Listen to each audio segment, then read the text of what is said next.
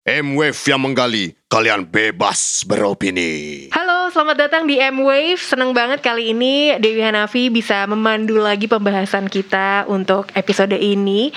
Gimana kabarnya? Udah mulai bosen sama situasi pandemi yang gak kelar-kelar? Aduh, ini perasaan yang wajar banget ya, bosen. Terus mungkin udah mulai bingung mau ngapain lagi kalau udah kelamaan di rumah ya kan? Hampir setahun nih kita harus ngebiasain diri buat di rumah aja cari-cari kegiatan biar nggak bosen biar rasanya tuh bisa tetap produktif ya nggak sih? Nah situasi kayak gini tapi juga bikin cukup banyak orang ngerasa kesepian stres dan bahkan bisa merasa depresi. Nah, makanya kali ini gue dan tim M-Wave sedang mengunjungi studio milik Reza Olitalia, seorang konselor sekaligus penggiat therapeutic art. Soalnya kita bakal ngomongin satu alternatif kegiatan yang mungkin bisa nolong kalian untuk ngelewatin situasi nggak enak kayak sekarang. Nah, selain itu kita juga akan bahas soal gimana seni dapat memberikan pengaruh baik buat kesehatan mental kita. Halo Mbak Reza. Halo. Terima kasih banget ya udah mengizinkan kita mampir ke studionya yang benar-benar baru masuk rasanya langsung tenang. Ngelihat banyak sekali uh, karya seninya Mbak Reza sendiri nih hasil lukisan-lukisan Mbak Reza semua ya. Iya, betul. Enak banget. Mbak Reza gimana kabarnya? Kabarnya baik. Baik, Pakai mikir ya? Biasanya kalau mikir tuh jadi pengen ditanya lagi, ada masalah apa? Itu itu ditanya kabar itu jawaban yang paling susah betul, sebenarnya. betul, betul, betul. Karena nggak mungkin kan kalau kalau saya jawab yang yang sebenarnya nanti panjang.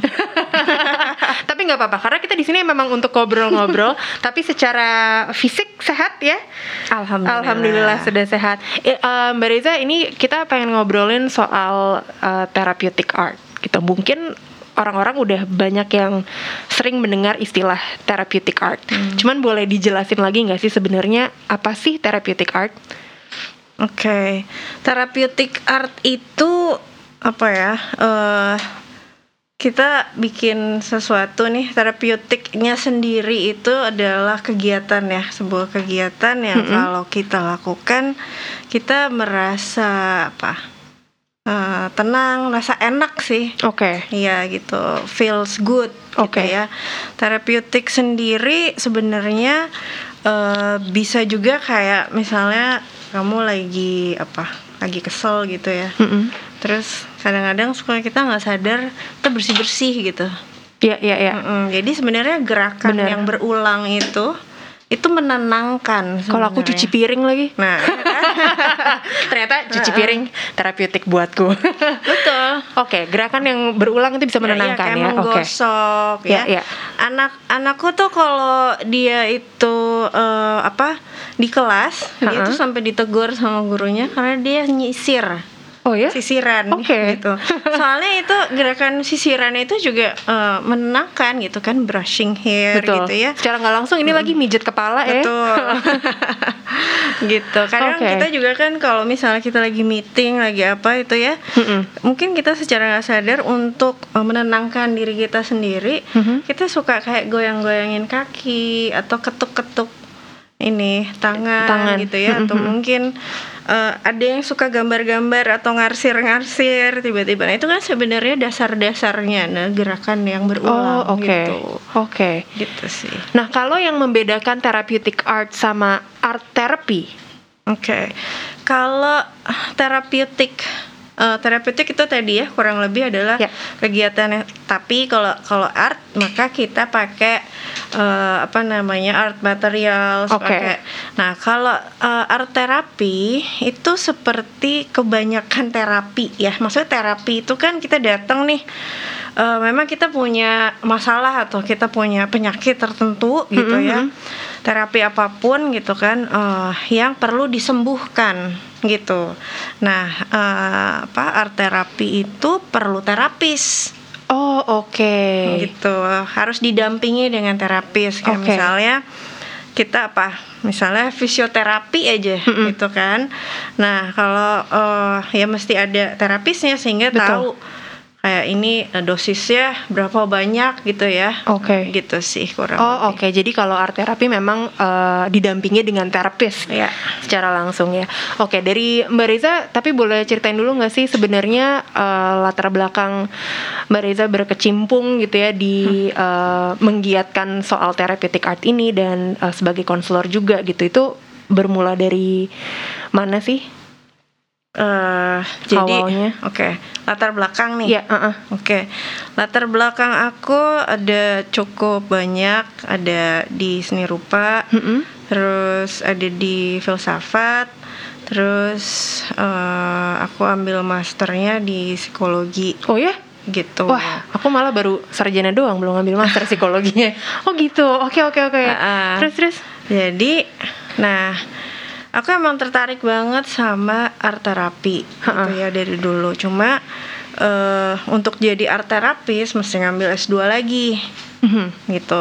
Kayaknya ah, ah, enggak deh gitu. Tapi aku tertarik dengan prinsip-prinsipnya. Jadi waktu itu sempat eh, belajar dengan ada dosen aku namanya Pak Monti. Dia Mhm. memang eh, apa? eh, waktu itu emang yang pertama kali bawa art terapi ke Indonesia Oke. gitu. Terus aku juga eh, kenalan sama Mutia ya, yang ada di eh, Art and I Jakarta. Mhm. Itu juga aku banyak belajar gitu. Nah, terus dipraktekin buat diri sendiri Oke. gitu. Jadi eh kita pasti pastilah kita semua ada ada masa di mana kita apa stres ya kan banyak tekanan dan lain sebagainya.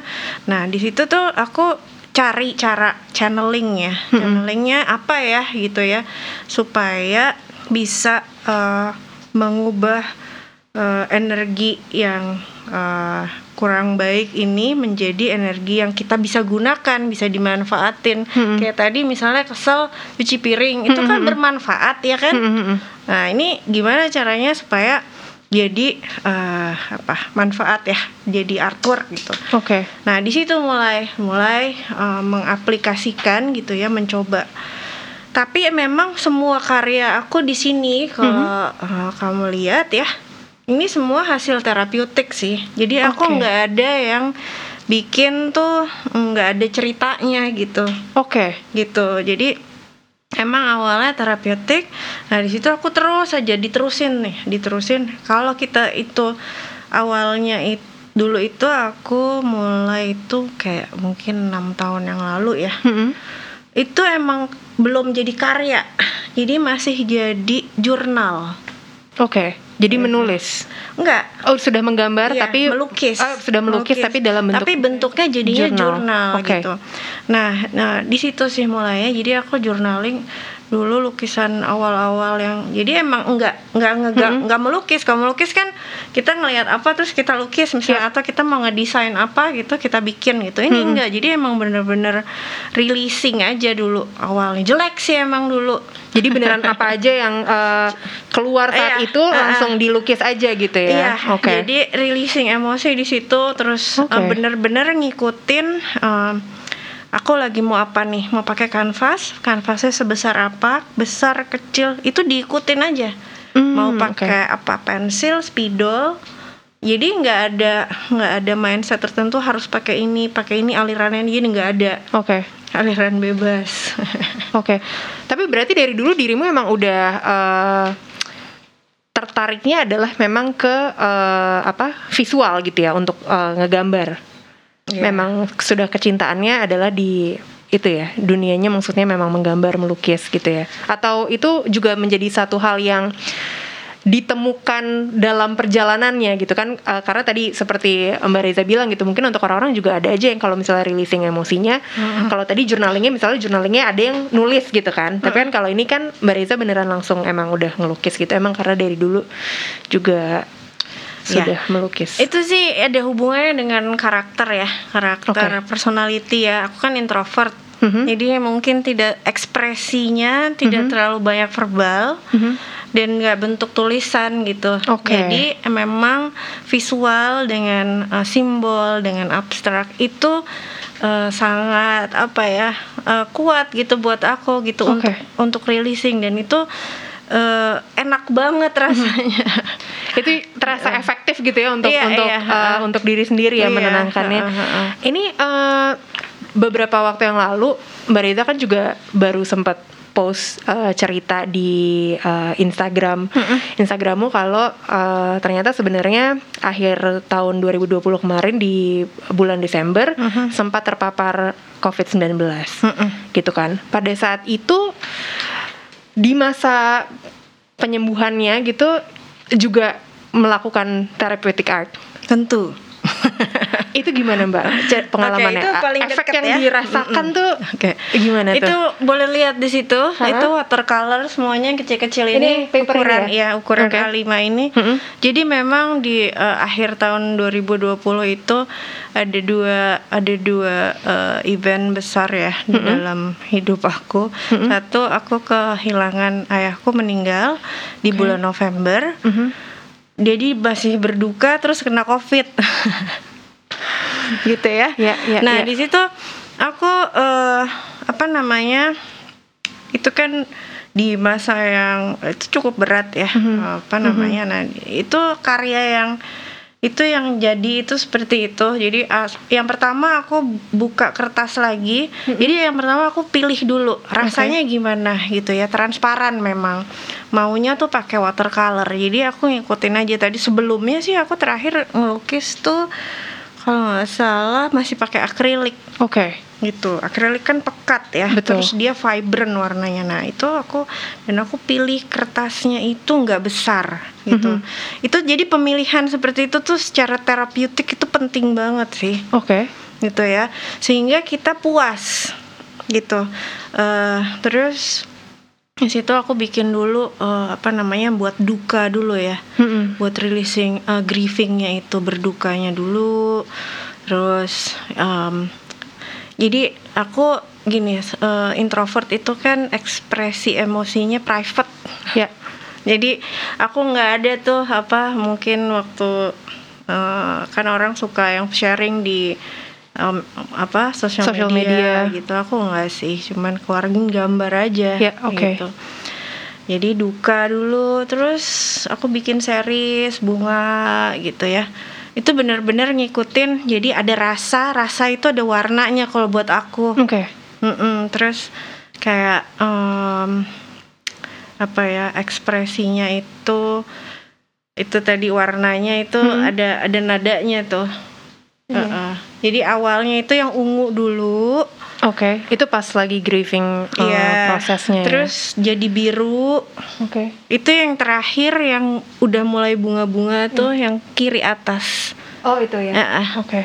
itu yang terakhir seperti itu jadi memang itu rasanya enak sih jadi selama karantina Mm-mm.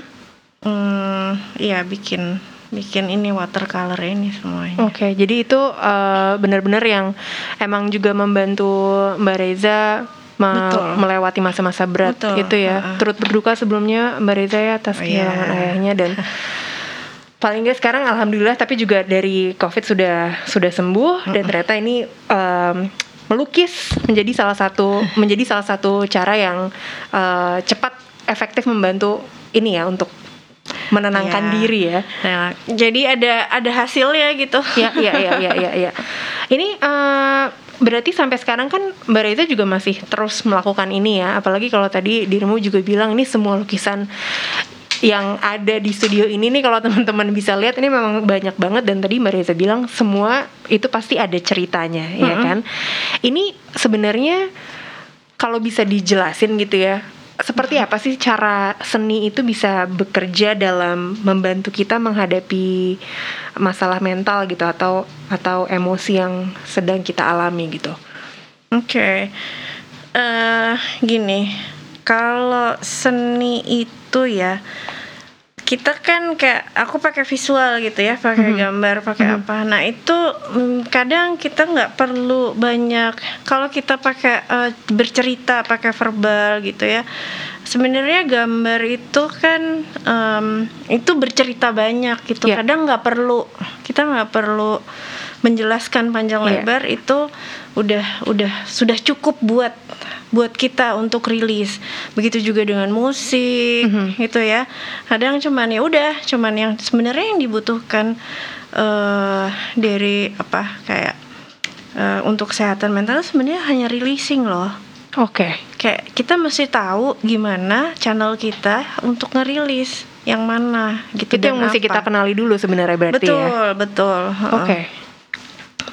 Oke oke. Ini berarti eh, proses yang em, masing-masing orang mungkin outputnya nantinya bisa berbeda-beda ya. betul Kalau tadi eh, Mbak Reza eh, melukis, menggambar gitu, ada yang lain mungkin ya itu tadi menulis atau hanya Bisa. mungkin sekedar mendengarkan musik sudah bisa releasing itu juga Mm-mm. sangat mungkin ya. Mm-mm. Tapi kalau kita ngomongin em, ya tentang eh, kesehatan mental gitu ya, banyak banget aspek-aspeknya sebenarnya kan. Dan ini sebenarnya isu yang makin ke sini sebenarnya makin eh, sepertinya diketahui oleh banyak orang atau mulai mau didiskusikan gitu, Eh, di mana eh, orang-orang tuh mau mulai melihat ke dalam diri gitu untuk berusaha mengenali ini sebenarnya mental state gue gimana sih? Gitu.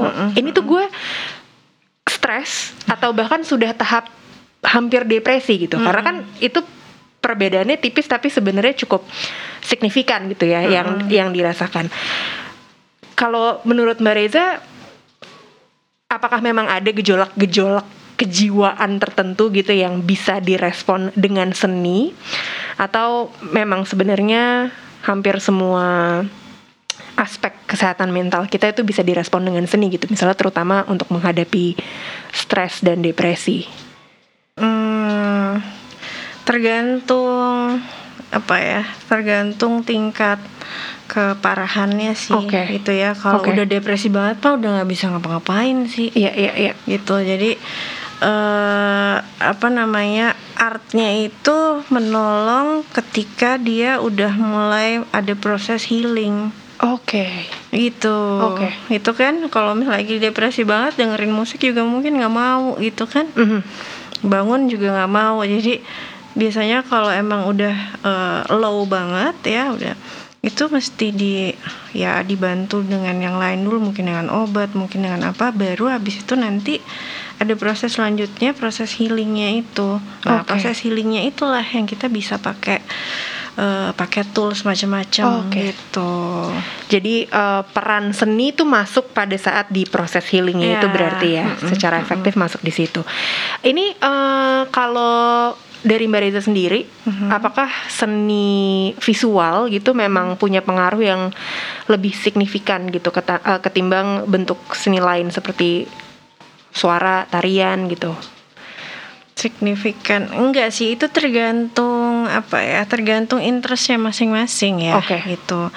Kalau memang interestnya di eh, ketertarikannya memang visual ya visual. Ada juga yang tari dengan gerak dan ada juga dengan musik. Intinya sih sebenarnya kayak gimana cara yang paling cocok ya Mm-mm. copingnya itu atau Mm-mm. how you release your emotion itu pakai cara yang mana itu yang perlu dikenali Oke. jadi eh, apa mesti dicari gitu kitanya mesti mau untuk mencoba sehingga kita bisa menemukan Oke, Gitu. itu dia yang tadi aku juga eh, pengen eh, tanyakan lebih lanjut gitu kan. Kadang-kadang yang emang suka susahnya tuh adalah justru awalnya gimana nih cara kita mengenali Mm-mm. untuk tahu what works for us gitu kan. Karena eh, mungkin akan beda-beda gitu. Itu berarti emang cobain dulu aja Uh-uh. semuanya atau kalau tips dari Mbak Reza gimana nih kalau orang mau mencari tahu ini gue releasingnya harusnya apa ya gitu. Iya, eh, kalau emang nggak tahu sendiri nggak Mm-mm. bisa, ya Mm-mm, minta bantuan dari Oke. psikolog, dari terapis. Karena kalau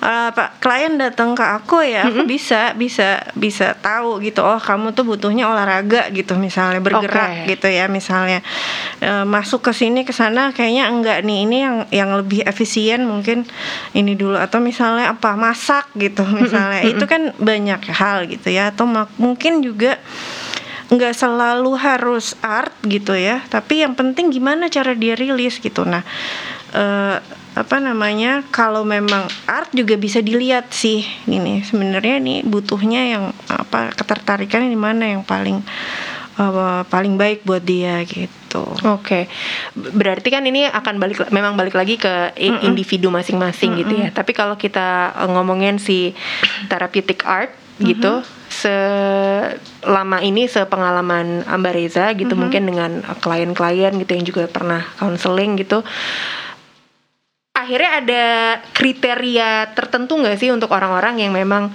oh memang cocoknya nih menggunakan seni nih sebagai untuk releasing formnya gitu. Hmm, eh, ada sih gini Oke. ya. Em, biasanya kalau yang enggak emang ada yang menolak aja sih emang nggak Oke. mau gitu ya. Hmm. Jadi emang kita tawarkan gitu memang. Eh, dulu aku waktu masih kerja di sekolah Mm-mm. gitu ya. Aku dulu counselor di sekolah. Eh, tidak semua tidak semua bisa dikirim ke eh, art terapi gitu Oke. gitu. Ada juga yang eh, mungkin butuhnya itu tadi mungkin gerak ataupun mungkin yang lain gitu. Tapi eh taunya dari mana? em, taunya dari mana gini? Kalau aku biasanya kirim eh, misalnya untuk eh, art gitu ya. Mm-mm. Biasanya nomor satu kalau su- sulit untuk bicara Oh oke. gitu. Nggak bisa mengekspresikannya Iya. dengan kata-kata gitu ya. sulit kesulitan menceritakan. Ya. Nah, eh, untungnya kalau pakai kita pakai art itu memang kasus-kasus yang sangat berat, yang sangat traumatik, misalnya contoh apa kekerasan seksual, atau apa itu kan butuh healing. Betul. Nah, healing proses itu kalau diceritakan ulang itu tuh sangat menyakitkan ya. Betul. Itu men-trigger kembali. Iya. Nah, itu Karena kayak pakai- reliving experience-nya ya. kalau pakai eh, visual, pakai gambar itu tuh dia nggak perlu menceritakan sedetail mungkin gitu, tapi itu bisa udah cukup bercerita. sih. Oke, oke. Eh, dan sekarang kan sebenarnya kalau kita lihat nih, eh, terutama selama masa pandemi ini gitu ya, memang eh, banyak sekali lah eh, ibaratnya kegiatan, aktivitas ataupun yang jadinya hobi-hobi baru yang bermunculan gitu. Salah satu yang bisa dilihat juga adalah memang uh, melukis gitu. Karena kayaknya juga mulai banyak kan uh, apa ajakan untuk kelas melukis online gitu, menggambar gitu yang yang emang ditujukan untuk semua orang gitu. Dan kayaknya memang kebosanan kebosanan orang-orang gitu kalau udah kelamaan di rumah akhirnya memang lebih lebih terbuka untuk mengeksplor hal-hal baru gitu kan salah satunya eh, salah satunya melukis gitu. Dan banyak yang bilang kalau emang eh, ya udah cobain cobain aja deh gitu. Siapa tahu ini bisa jadi hal yang menenangkan gitu. Ada yang bilang pada saat melukis tuh kalau misalnya memang ternyata seneng banget akhirnya lo in the zone gitu kan. Kayak beneran wah gitu. Waktu abis tuh juga nggak berasa gitu. Tapi ini kalau untuk therapeutic art ini gitu eh apakah kita harus menguasai eh, art skill tertentu gitu? Atau mungkin ada orang pengen gambar tapi begitu ngeliat aduh gambar gue jelek lagi malah memicu eh, tingkat stres yang lain gitu kan kalau selama ini kayak gimana mbak Reza pengalamannya Pengalaman aku sih aku punya em, apa aku punya kelas Journey Through Art itu banyak peserta aku ya yang Ha-ha. ikut ikut kelas itu belum pernah pegang kuas sama sekali. Oke. Tapi tapi mereka mau ber- mengeksplorasi mau mencoba Ya. gitu ya. Eh, hasilnya selalu eh, ini ya apa namanya mereka sendiri surprise gitu ya eh kok gue bisa ya eh kok enak gitu Hmm. bahkan yang tadinya belum pegang pernah pegang kuas nggak tahu ini namanya cat apa baru baru tahu semua Mm-mm. tapi mereka bisa duduk tenang tiga jam mungkin juga kadang merasa kurang gitu jadi tidak perlu tidak perlu Oke. ada eh, skill khusus aduh nggak bisa gambar Iya, gitu iya, uh-uh. Mm, tapi sebenarnya aku juga gini sih aku nggak percaya sih orang nggak bisa gambar Oke, Iya.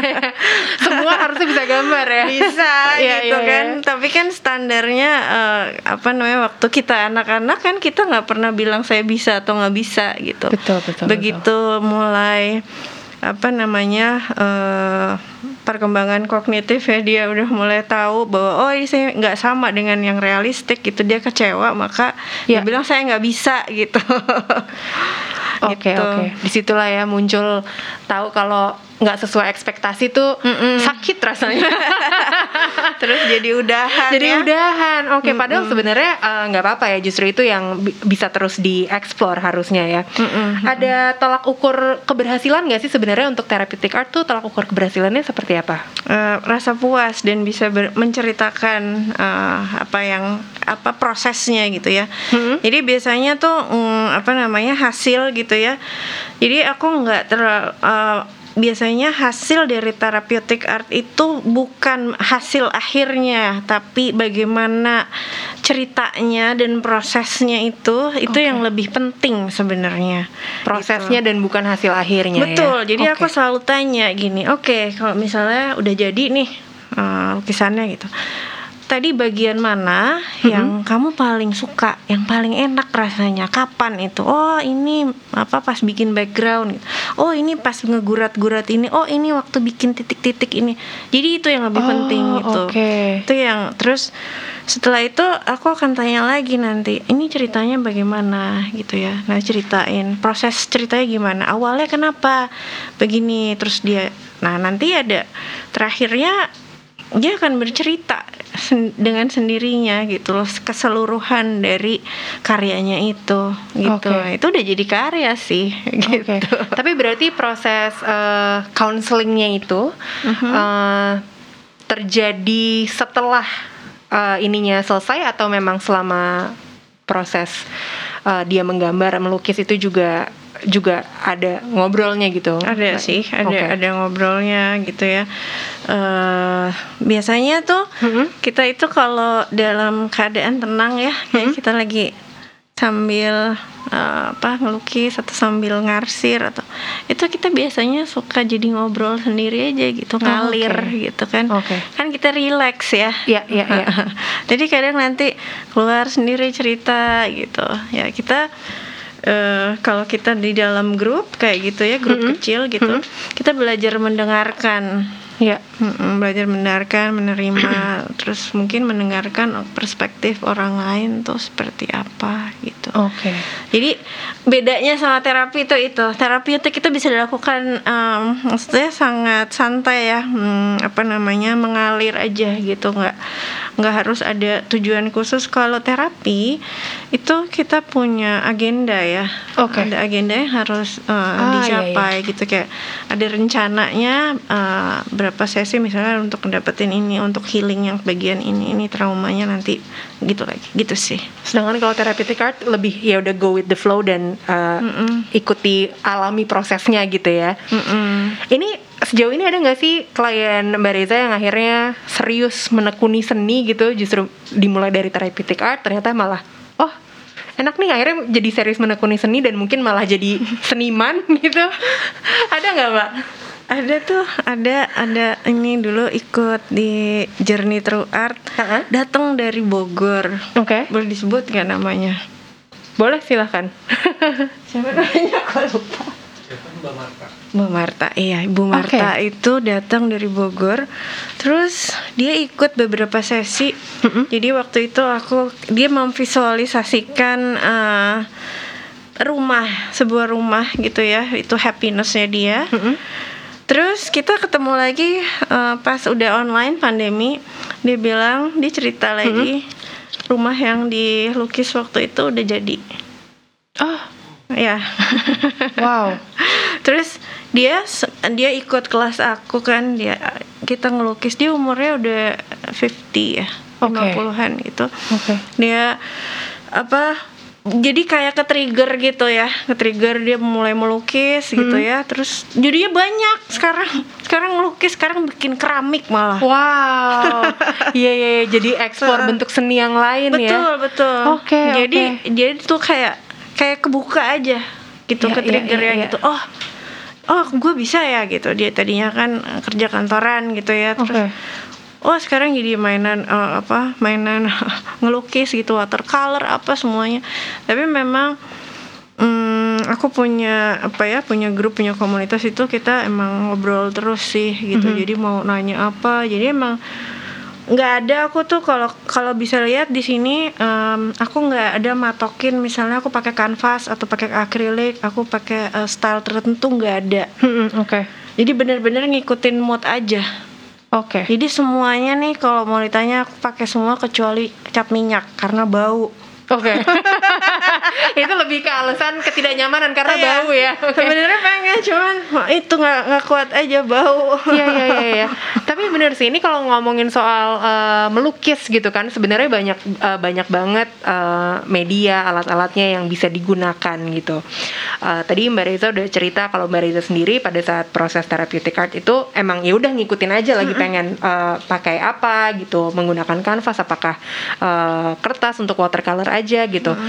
Eh, tapi sebenarnya di ini juga nggak sih eh, Mbak Reza dikenalkan gitu dengan tools-tools melukis gitu untuk uh, orang-orang yang ingin melakukan therapeutic art ini gitu. Karena kan misalnya mungkin nggak semuanya mau mengeksplorasi uh, banyak materi tersebut gitu kan. Apakah memang disarankan untuk eh, coba cobain yang lain-lain gitu cobain variasinya gitu atau gimana biasanya Iya, jadi dengan aku juga pakai prinsip-prinsip eh, art terapi ya. Jadi Mhm. eh, jadi untuk apa namanya? Untuk awal Ha-ha. itu memang aku perkenalkan dengan akrilik dan kanvas dulu. Oh, karena oke. itu kontrolnya paling gampang. Ya Oke. kan, cat akrilik itu cepet kering, bisa ditiban, jadi nggak ada nggak perlu takut salah Oke. gitu. Jadi aku selalu bilang nggak usah nggak usah takut salah gitu. Nanti kalau mau diedit bisa diedit kapan aja. Mau dijadiin kanvas putih lagi juga bisa, santai aja. Oh, oke Gitu. Jadi itu yang awal.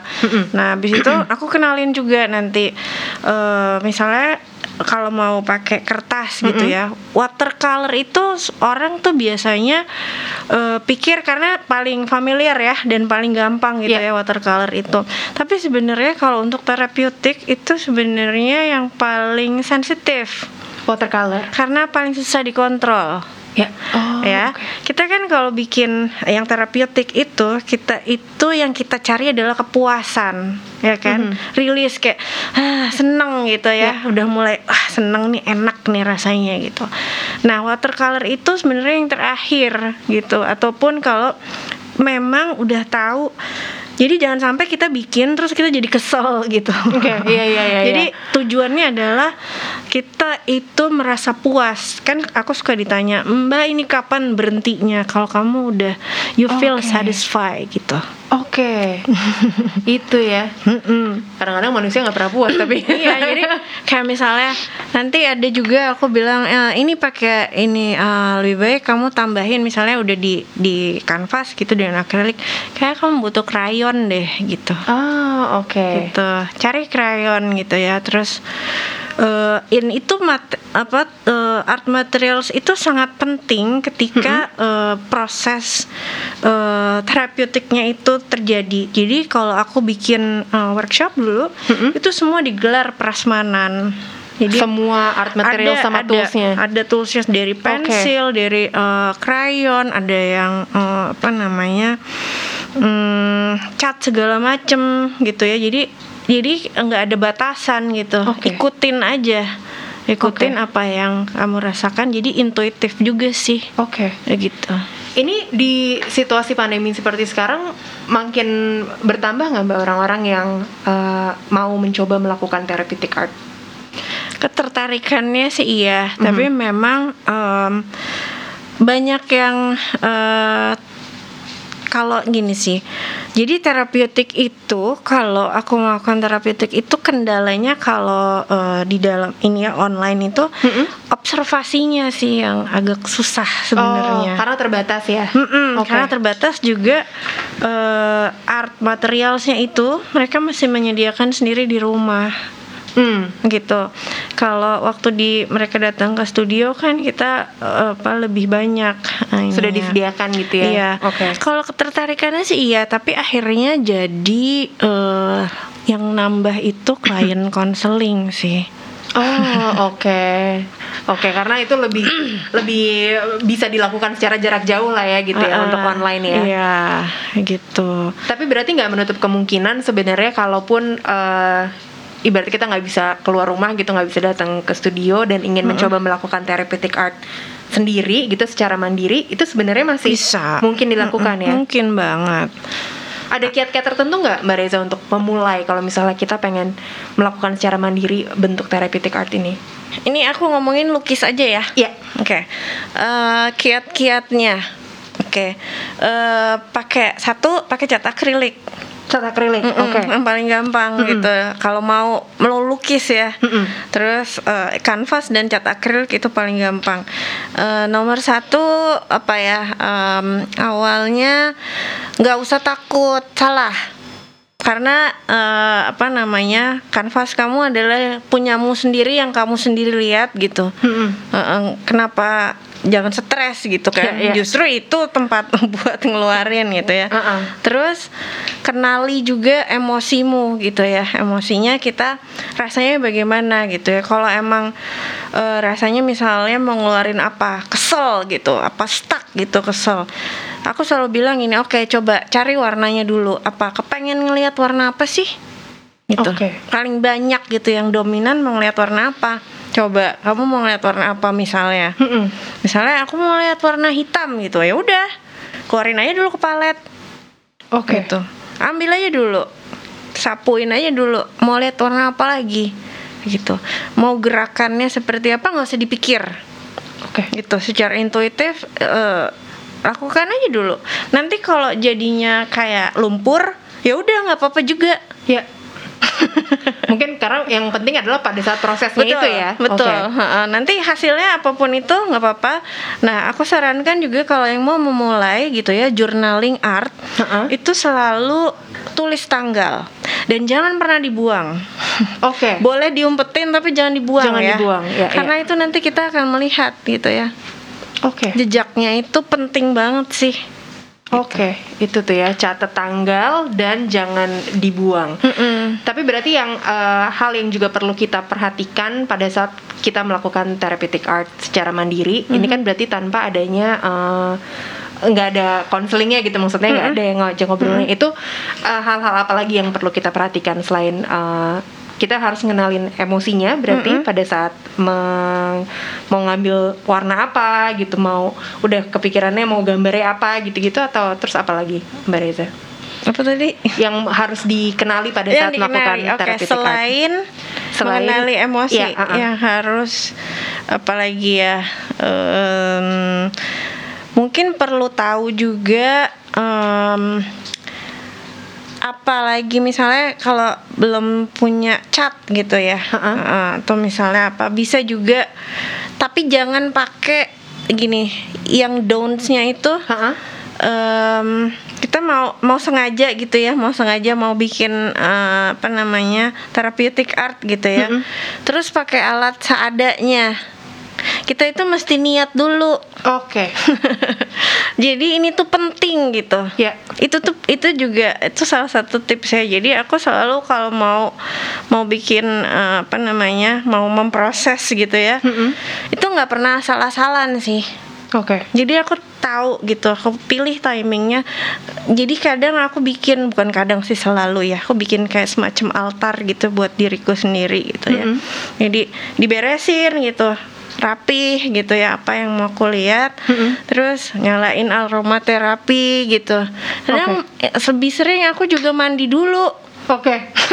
jadi udah jadi sebuah ritual ya. betul Ya, betul oke. itu penting banget terus jangan pelit sama diri sendiri karena itu kan self care ya Betul. itu jangan pelit jadi eh, aku selalu bilang jangan pakai sisa-sisa niatin beli Oke.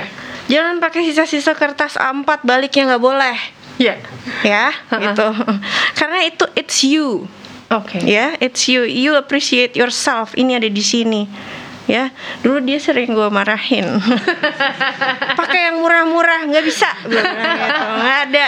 Berarti niatnya itu uh, dimulai benar-benar bukan cuma dari niat mau menjalankan therapeutic art, tapi beneran untuk menyediakan juga Oh, alat-alat iya. untuk mendukung proses itu ya. sama waktu kita Dan sendiri waktu. sama Iya, iya, bener-bener diri sendiri saya niat buat diri saya sendiri gitu loh Oke. terus kemudian penyimpanannya apa itu tuh aku bener-bener menghargai itu gitu Oke. jadi nggak nggak salah-salan gitu walaupun apa eh, hasilnya seperti apa pun itu kita menghargai diri kita kita itu se apa pun itu gitu ya jadi aku tulis uh, mungkin uh, tanggalnya terus judulnya Hmm. kalaupun sempat misalnya sempat misalnya ada yang suka bercerita boleh tulis deskripsi uh, singkat gitu ya ceritain sedikit gitu atau kalau enggak juga nggak apa-apa you Iya, will iya. remember Oke. aku tanggung pasti ingat Pasti akan ingat Pasti ya. nggak mungkin lupa Tapi ini eh, kalau kita ngelihat soal praktek therapeutic art ini di Mhm. Indonesia, sepertinya kan masih eh,